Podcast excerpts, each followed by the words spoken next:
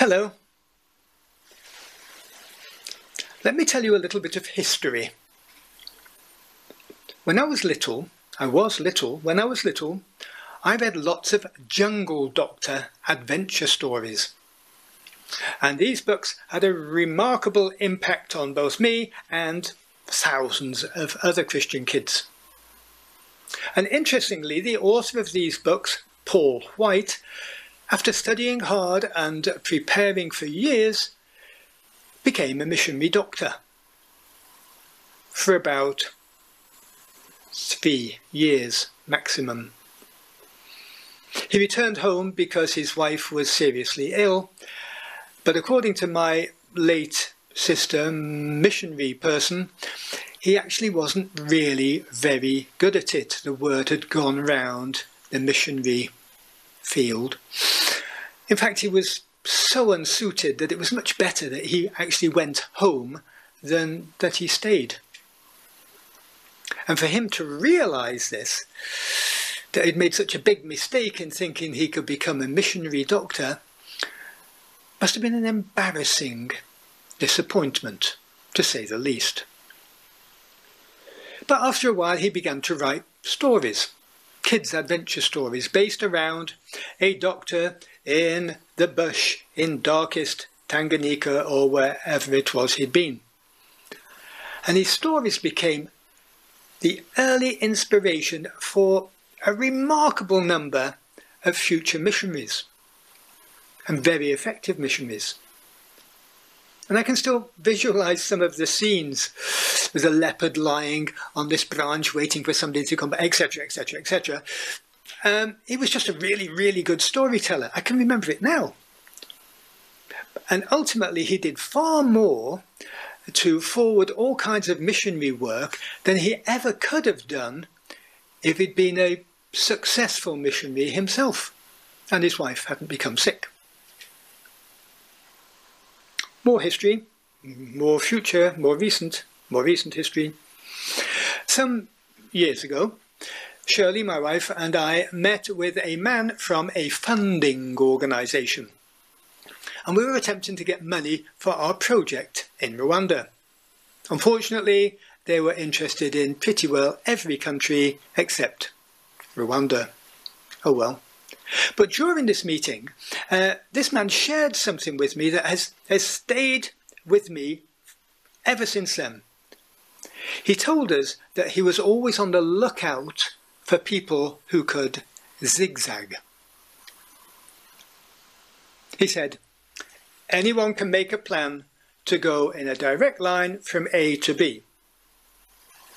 But the ones who succeed in carrying out their plan, actually getting to B, are the ones who go from A, but have the ability to go via all kinds of detours and deviations until they eventually get to their destination. And the Bible has accounts of people who did just that. David, for instance, was a shepherd boy. And remember, shepherds were kind of the lowest strata of society uh, in those days. But as a shepherd boy, David was anointed to be king. But he was still a shepherd boy. Then he met and killed Goliath, the heavily weaponized giant enemy person. And he remained a shepherd. Then he got a job playing harp for King Saul. Now, this was a good gig. And he became a soldier. But then the king got jealous of him and he became a wanted renegade, thrown out until finally, finally, finally, after lots of adventures and ups and downs and ins and outs, he became king. Joseph had the same kind of experience, dreamed, sold, promoted, uh, jailed, waited, hoped, waited, succeeded in becoming uh, the uh, second ruler of the empire and managed to get the Israelites over there and all the rest of it, blah, blah, blah, blah, blah, blah, blah. You know the story, you know the story. Moses, Moses, you know that story too, got adopted, royally raised, exiled, called to liberate the people, etc., etc., etc., etc., etc. We know the stories. Zigzaggers to a man, probably and a woman, some cases. But these people didn't just stand around waiting for everything to change. They were proactive. They each grabbed the opportunities that our Lord gave them. They were obedient to what he told them, and they stepped out trusting in the one who'd called them.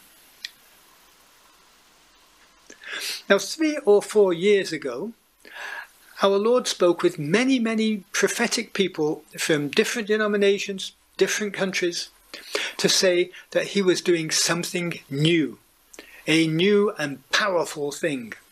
And we were all very expectant. Then along comes COVID 19, and everything seemed to freeze solid. But the fact is that our Lord never stays still. And he is moving on. COVID 19, like nothing before, has shaken up our way of doing church. He has opened our eyes to see that there are other ways of doing things. Isaiah 43 18 and 19 say, Do not call to mind the things that were, Pay no attention to the things of old. Behold, or look out, I am doing a new thing. I am doing something new. Do you not see it coming? Do you not see it? Indeed, I will make a way in the wilderness and streams in the desert. See, David could have turned down his anointing. After all, well, shepherding is a, a very reasonable and steady job. Uh, there was not a lot of stress. And my family have, have done this for generations. That's what, what they did and what we do. Why do things different to shepherding? Question mark. But he didn't. He didn't. He accepted the call, accepted the anointing. He went forward. Another bit of history. Hooray, it's History Day. I grew up in a Brethren fellowship. And every Sunday evening from 6.30 to 7.30 sharp, a gospel meeting was held in our local gospel hall. Now, gospel halls were a relic from the early 1900s, and I'm guessing that they were an alternative to the then popular music halls, which had jolly sing-along songs, comedians, jugglers, odd acts. They were for the common people, entertainment for the common people. So gospel halls also had jolly sing-along songs and inspiring preachers, and they were bang on the money. Compared to the standard ritualized church services, they were really on target. And I'm sure they were relevant, they were popular, very effective at the time. So popular, in fact, that they never changed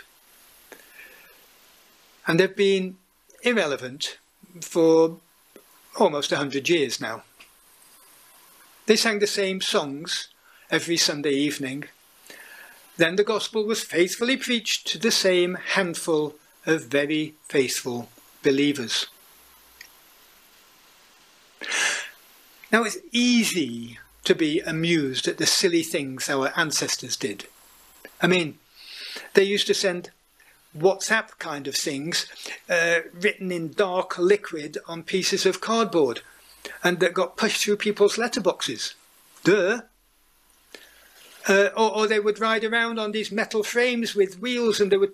Oh no, hang on, they still do that. Anyway, but these vintage believers believed, and some still believe, that they are faithfully following their Lord in the way He wants them to do things. Problem is that as we laugh at them, we are in danger of doing exactly the same thing. And then we will become the spiritual dinosaurs. Because habit makes the pattern and pattern makes the rule. Do you Get that? Habit makes the pattern and the pattern makes the rule. How we've always done it. See, it's easy coming to church or tuning in to a sway on a Sunday, sitting back, paying our tithes and being good consumers. But things aren't the same anymore. Our Lord seems to have drawn a line under everything and he started anew. He didn't send COVID 19, of course, but he can certainly use it. And he uses it for his purposes and for his glory, to push his kingdom forward. I'm excited about what the Lord's doing because he used Corona, of all things, good for him. And everything is changing. So don't be discouraged by Corona because all things work together for good to those who love the Lord and are called according to his purposes. So watch this space and get ready to roll because exciting things are on the horizon. Let me, I was going to finish there, but let me, let me share this one little anecdote with you, one final anecdote, if I may. Uh, a couple of days ago, a, a good friend phoned and said that he'd visited his aged, ailing mum. She she was in a pretty bad and is in a pretty bad state, and she can't see very well at all. But he took her out to McDonald's for lunch as a bit of a break for her.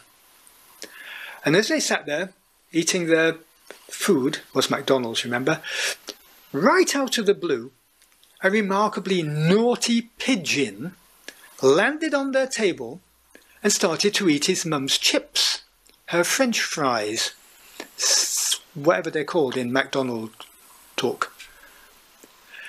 His mum was so delighted to have this cheeky bird join him for lunch. Oh, so delighted. It was so outrageous. It really, really made her day to see this bird pecking at her lunch. Amazing. When does this ever happen? Now you could say, how awful! Oh dear, dear, dear! How unhygienic! Oh, what a bad bird! But to me, that was so like something our Lord would do. Because he doesn't abide by our neat little rules. He delights to come right out of left field, right out of the blue, to bring amazing, outrageous gifts to his children and to the world that he loves so dearly. So watch out.